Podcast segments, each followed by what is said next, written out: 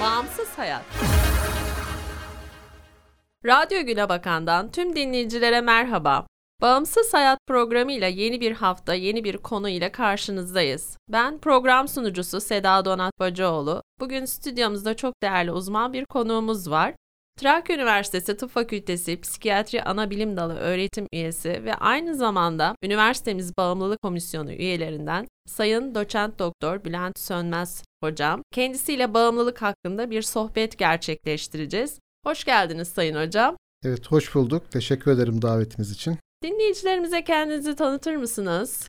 Ee, benim ismim Mehmet Bülent Sönmez. Trakya Üniversitesi Tıp Fakültesi Psikiyatri Ana Bilim Dalı'nda öğretim üyesi olarak çalışıyorum. Bir de kurulduğu e, zamandan beri yaklaşık 10 yıldır AMATEM, yine başhekimliğimize bağlı ana bilim dalımız bünyesinde hizmet vermekte olan AMATEM'de yani alkol ve madde bağımlılığı tedavi araştırma merkezinde görev almaktayım. Peki teşekkürler. İsterseniz ilk sorumuzla başlayalım. Ya bağımlılık nedir ve nasıl gelişir? Bu konuda dinleyicilerimize şöyle genel bir bilgi verelim.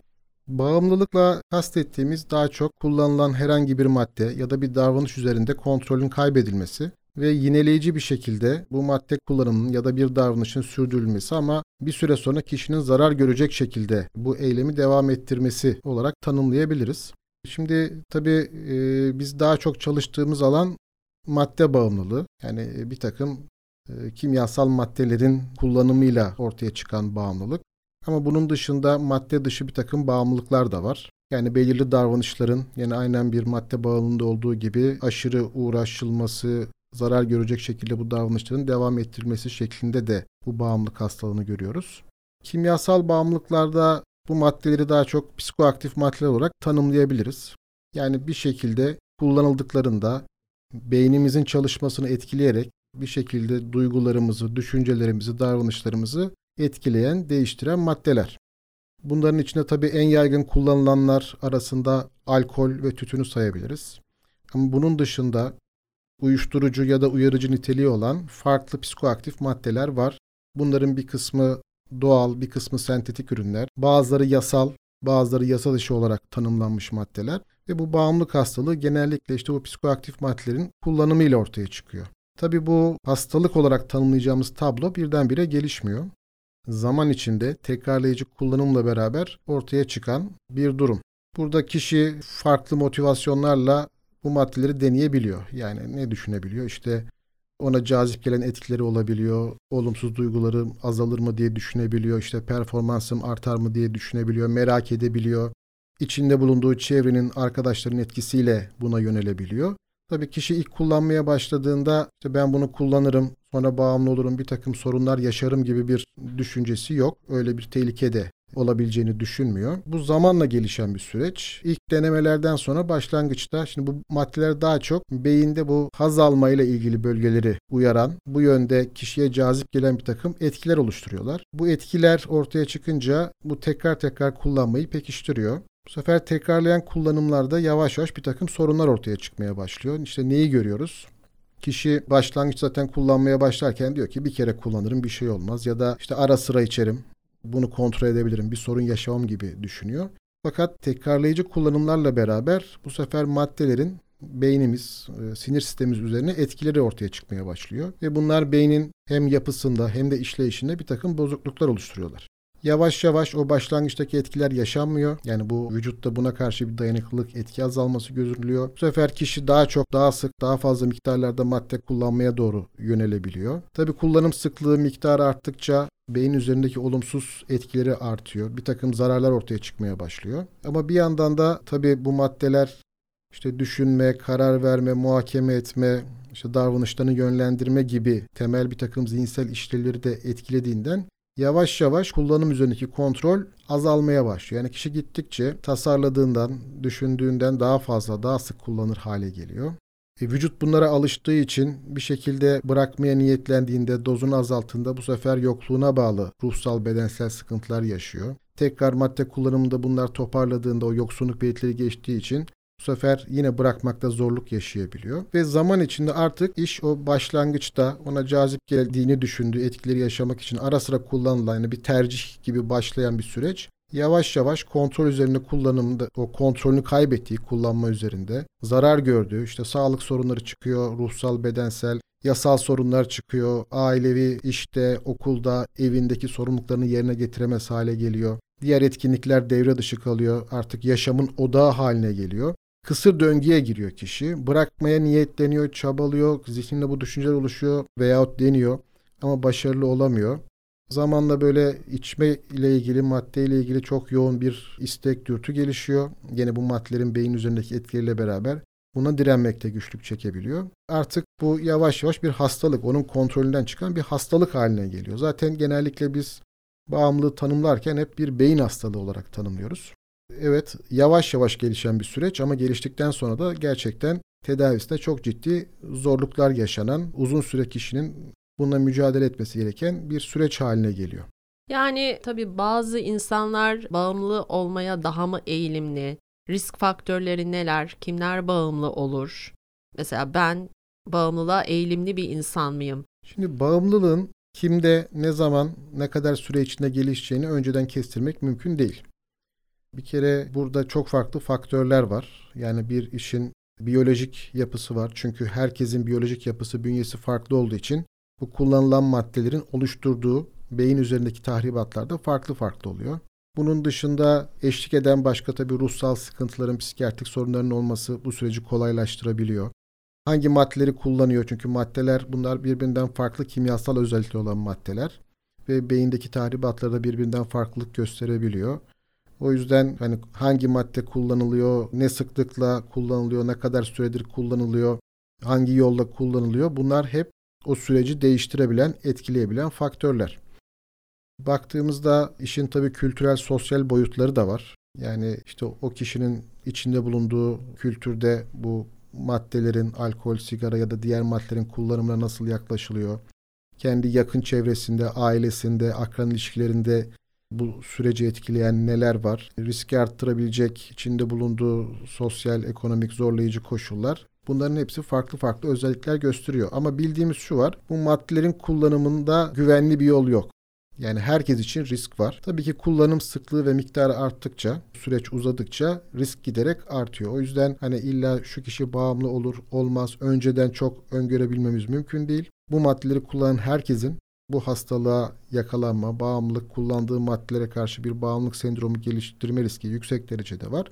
Ama bu süreç herkeste eşit işlemiyor. Çünkü hem biyolojik bireysel farklılıklar, bünye yapısıyla ilgili farklılıklar var içinde bulundukları sosyal kültürel etmenlerde değişiklikler var. Bunlar da süreci etkilediği için kesin bir tanımlama yapmak güç. Tabi burada özellikle ergenler ve genç yetişkinler açısından konuyu biraz daha ayrıntılı değerlendirmek lazım. Çünkü bu yaş grupları daha yüksek risk altında olunan yaş grupları. Şimdi bağımlılık sorunu yaşayan insanlarla yapılan değerlendirmelerde bizim de klinik izlemimiz o şekilde. Genellikle madde kullanmayla tanışmaları ergenlik, çocukluğun geç dönemleri veyahut işte bu genç yetişkinlik dönemlerinde başlıyor. Ve bu dönemin özelliği ne? Bir tabi yavaş yavaş artık aile etkisinin azaldığı, akran etkisinin çok daha ön plana geçtiği bir süreç ve kişinin henüz daha tam beyin gelişimi tamamlanmış değil. Yani olgunlaşmış durumda değil ve buna bağlı olarak yine işte karar verme, düşünme, muhakeme etme, işte davranışlarının sonuçlarını tartma, davranışlarını kontrol etme ile ilgili bir takım zayıflıkların yaşanabildiği bir dönem. O yüzden bu yaş grupları yani böyle riskli olabilecek ya da sağlık açısından zararlı sonuçlar doğurabilecek etkinlikleri deneme açısından da riskli bir dönem.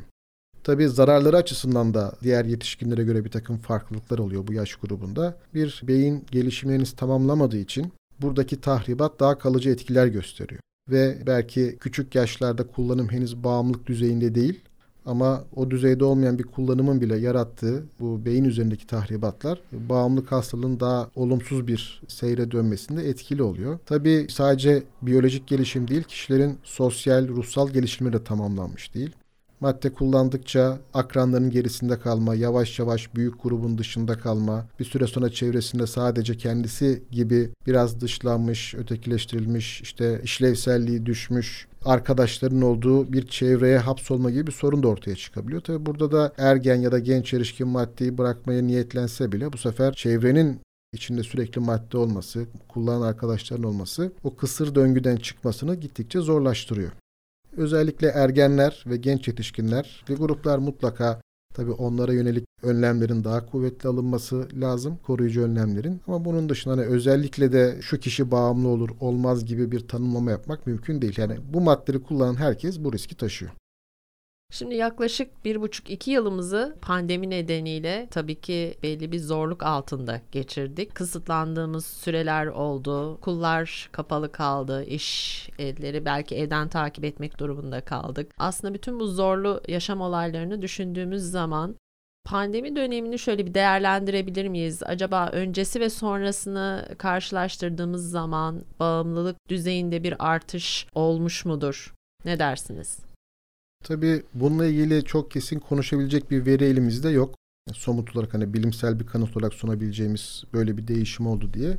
Ama hani genel kanaatlerimizi, izlenimlerimizi söyleyebiliriz. Bir kere birçok hastalıkta olduğu gibi bu pandeminin etkisiyle bu sorunu yaşayan insanların da sağlık hizmetine ulaşımında bir takım sorunlar yaşandı. Yani ister istemez COVID için yapılacak sağlık hizmetlerine yoğunlaşılması nedeniyle farklı branşlarda olduğu gibi bu alanda da insan kaynaklarının, fiziksel kaynakların o alana kaydırılması gibi bir durumla beraber de tabii insanlar da biraz hastaneye gitmekten çekindiler salgının etkisiyle. O yüzden hani hastanelere başvurup tedavi alma, sağlık hizmetiyle ilgili alma ile ilgili sorunlar yaşandı. Bunun tabi takım olumsuz yansımaları oldu. Bu dönemde kişilerin yaşadıkları başka tabi zorlanmalar, sosyal psikolojik sıkıntılar da oldu. İzolasyonlar, sosyal ilişkilerin azalması, insanlarla temasın azalması, insanların işte işlerinde bir takım ciddi zorluklar, sıkıntılar yaşaması yani onlar için ciddi stres etkeni olarak yaşamlarına etki gösterdi.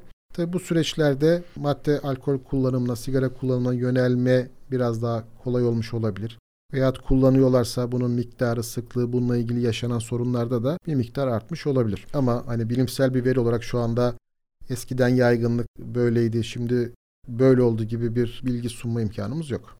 Yani tedavi edilebilir mi bağımlılık? Bağımlılık evet tabii ki tedavisi var ama tedaviden önce koruyucu önlemler çok çok önemli. Yani kişi böyle bir hastalık gelişmeden bir takım tedbirlerin alınması, özellikle çocukların, ergenlerin, genç erişkinlerin bu madde kullanımına daha uzak kalabilmesi için bir takım etkinliklerin, programların oluşturulması çok çok önemli. Mesela üniversitemiz bünyesinde gerçi bütün yüksek öğretim kurumlarında artık böyle bir uygulama için süreç devam ediyor. Bu bağımlılıkla mücadele komisyonları da kuruldu. Burada da bir görevim var. Şimdi e, burada amaçlanan ne? Bir öğrencilerin farkındalığını artıracak bir takım bilgilendirme, eğitimle ilgili çalışmalar. Bunun dışında onların daha sağlıklı işlevselliklerini artıracak başka etkinliklere yöneltilerek mesela işte sanat, spor alanında bir takım başka ya da bilimsel, sosyal etkinliklerle uğraşmalarını sağlayabilmek, o altyapıların hazırlanması, o yönelik kanalize edebilmek ve bu şekilde hani günlük yaşamda karşılaştıkları zorluklar karşısında sağlıksız, onlara zarar verebilecek başa çıkma yöntemlerini kullanmalarını engelleyebilmek için bu yönde çalışmaların da tabii değerlendirildiği bir alan. Bir de son olarak bu komisyon bünyesinde akademik anlamda bir takım çalışmalar yapılması, işte bilimsel araştırmalar, bununla ilgili yazılacak yayınlar, sunumlar ve genel olarak hem mücadelede elimizdeki bilgi havuzunu genişletmek hem farkındalığı arttırmaya yönelik bir takım çalışmaları kapsıyor. Tabii üniversitelerin bu yönde çalışmaları var. İşte devletin bu yönde, Yeşilay'ın bu yönde çalışmaları var. Bunlar oldukça önemli ama böyle bir hastalık geliştikten sonra tabii artık işin önlemeden ziyade tedavi aşamasına geçmek gerekiyor. Şunu biliyoruz. Evet bağımlılık süreç içinde gelişen birden ortaya çıkan bir hastalık değil ama artık bir hastalık boyutuna geldikten sonra tedavisinde bir takım ciddi zorluklar var. Çünkü ne yazık ki kronik bir hastalık haline dönüşüyor. Yani tam anlamıyla tamamen iyileşen bir durum değil. Ama kontrol altına alınabilen bir hastalık. Yani doğru bir tedaviyle, psikososyal destekle kişi bir şekilde maddeden, alkolden uzak kalabilirse yavaş yavaş yaşamı tekrar normale dönüyor. Yani bu sorunu yaşamayan insanlar gibi sağlıklı, uyumlu, işlevsel bir hayat sürdürebiliyorlar. Ama bir şekilde bir süre kullanmadılar. Tekrar madde kullanmaya dönüş oldu ki olabiliyor. Bunu sık yaşıyoruz. Yani en önemli sorunlardan bir tanesi bu. Yani zamanla motivasyonları düşebiliyor veyahut artık iyileştim, işte az kullanırım, kontrol ederim, bir kere kullanırım, bırakırım gibi düşüncelerle yeniden kullanmaya dönüş olabiliyor. Bu sefer hızlı bir şekilde yeniden o sorun yaşadıkları yoğun, sık kullanım örüntüsü tekrar gelişiyor ve aynı sorunlara, aynı döngüye kişi tekrar giriyor.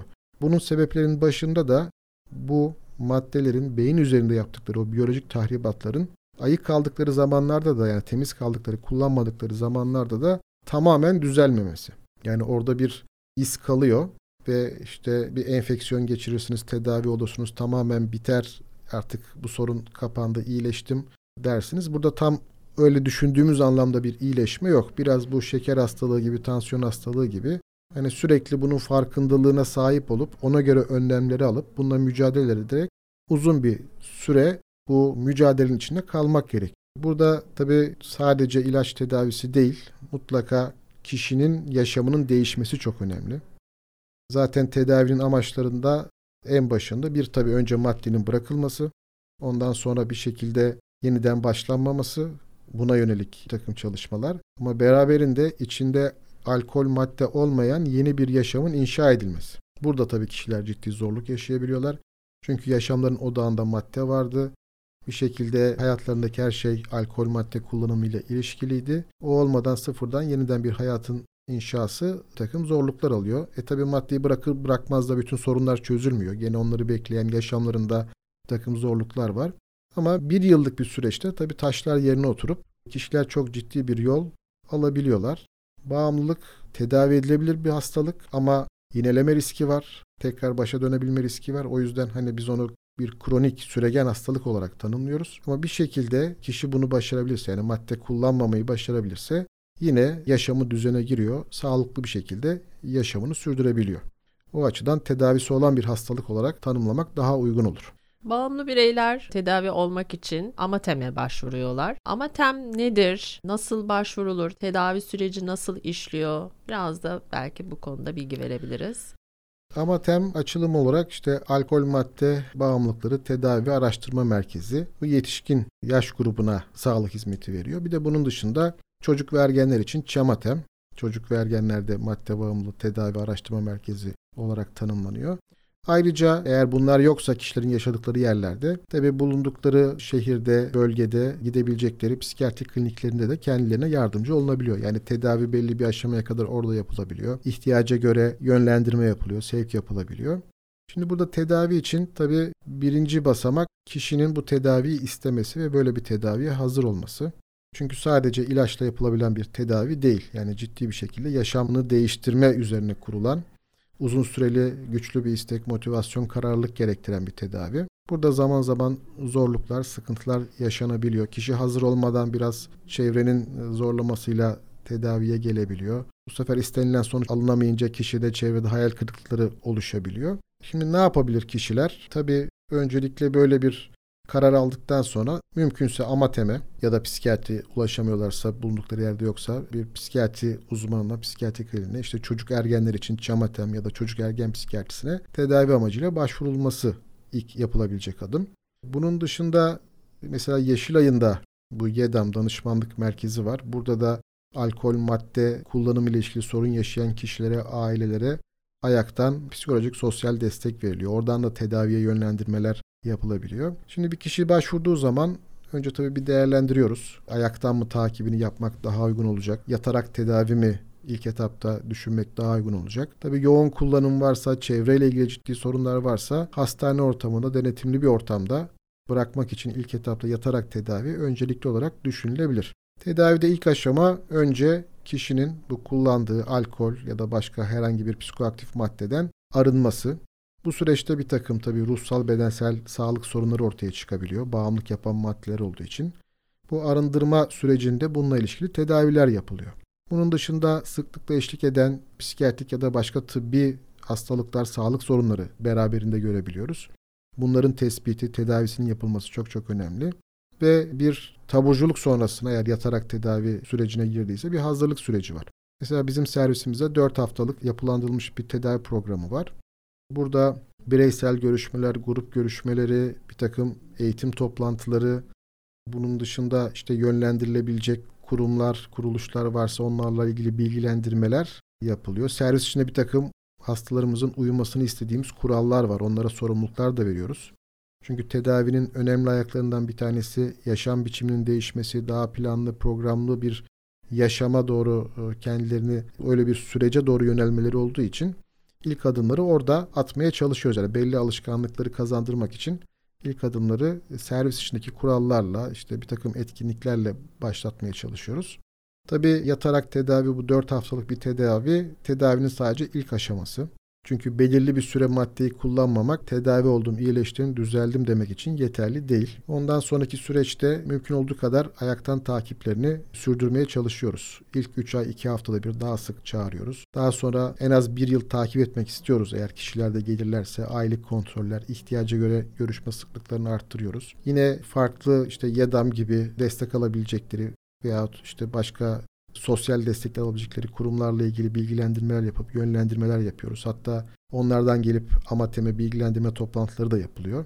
Yani hastaların bu konuyla ilgili de bir farkındalığı olsun diye. Ve yavaş yavaş işte içinde tekrar maddenin olmadığı bir yaşamın inşası, kişinin tekrar işlevselliğini kazanması, yani aile ilişkilerini tekrar insanlarla ilişkilerini sağlıklı bir şekilde sürdürebilmesi, yaşam alanlarında sorumluluklarını yerine getirebilmesi, işlevsel üretken olabilmesi, tekrar içinde madde olmayan bir sosyal çevre, keyif alabileceği etkinlikleri oluşturabilmesi için bu süreçte onlara destek olmaya çalışıyoruz.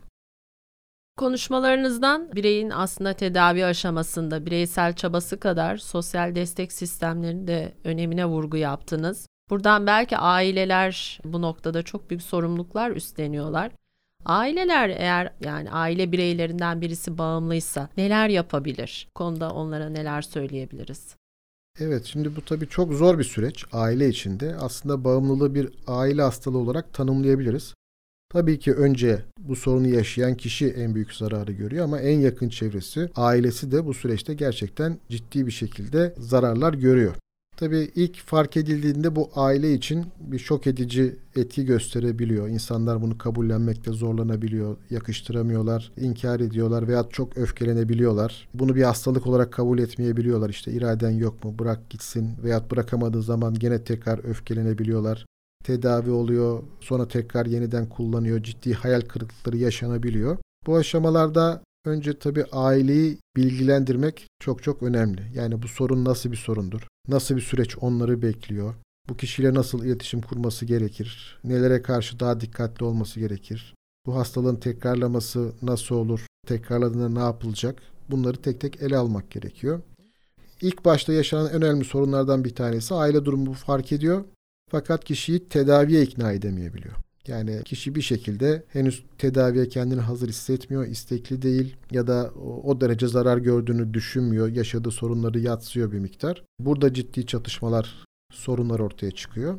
Öncelikle ailenin bu bireyle beraber yaptığı görüşmelerde kişinin madde etkisinde olmaması çok çok önemli. Kişi madde etkisinde değilken tabii ki bu sorunu konuşmak gerekiyor. Bu konuşurken de onu suçlamadan, ona kızmadan ama bu sorunla beraber kendilerinin yaşadığı sıkıntıları işte ne kadar üzüldüklerini, ne kadar etkilendiklerini dile getirerek yani bunun bir tedavisi olduğunu, bu süreçte ona destek olacaklarını, yanında olacaklarını, işte tedaviyle ilgili bilgi alıp bu tedaviyi gene madde kullanan kişiyle paylaşabilirler.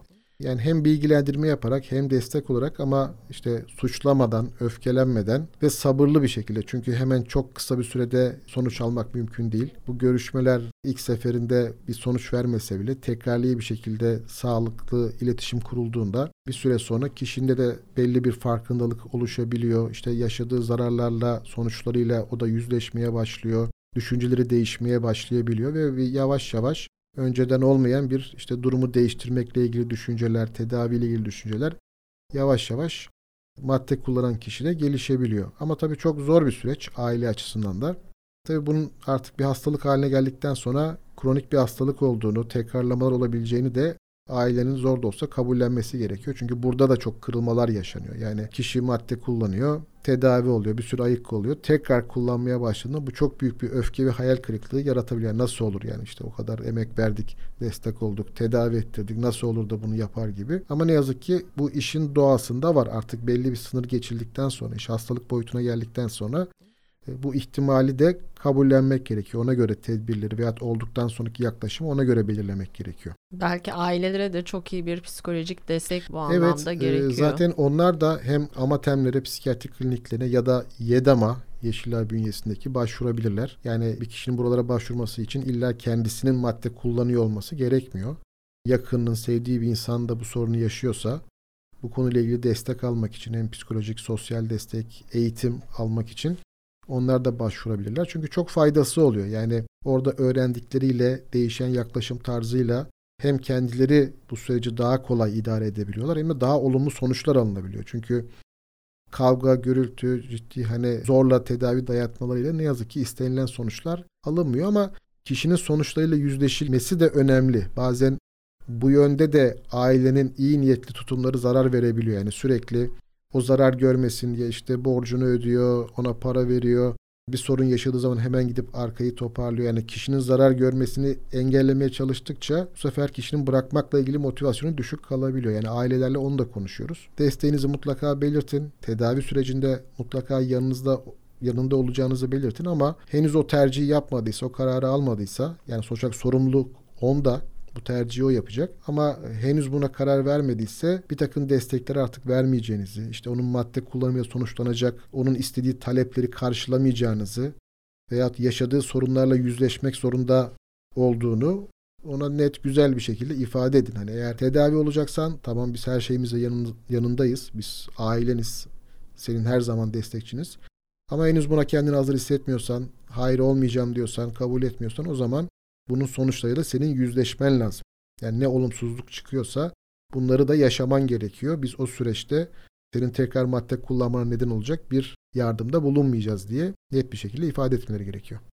Konuştuklarımızı şöyle bir toparlayacak olursak aslında stresli yaşam olaylarından kaçınmak için bazen bazen de akran etkisiyle aslında bir kereden bir şey olmaz diye başlanılan maddenin daha sonra sıklıkla kullanımı ve giderek artan dozlarda kullanımı şiddetli bir şekilde kullanımının sorunlu olduğunu, bunun bağımlılık için bir temel oluşturduğunu dile getirdik. Bir hastalık olduğunu, tedavi edilebildiğini, tedavi etmek üzere kişinin gönüllülüğünün esas olduğuna vurgu yaptınız ve kişilerin aslında yaşadıkları yerlerde devlet hastanelerine ya da üniversitelere bağlı psikiyatri fakültelerindeki psikiyatri servislerine başvurarak bu yardımları alabileceklerini ifade ettiniz.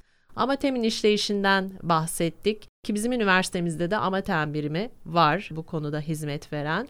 Ailelere burada büyük rol düştüğünden bahsettik ve aileler için de bir psikolojik destek sağlanmasının mümkün olduğunu dile getirdik. Son olarak aslında bizi dinleyen gençleri de düşünecek olursak Neler söylemek istersiniz bağımlılık konusuyla ilgili olarak nasıl bir öğüt demeyelim belki ama belki biraz farkındalık sağlamak, belki biraz daha umut aşılamak adına.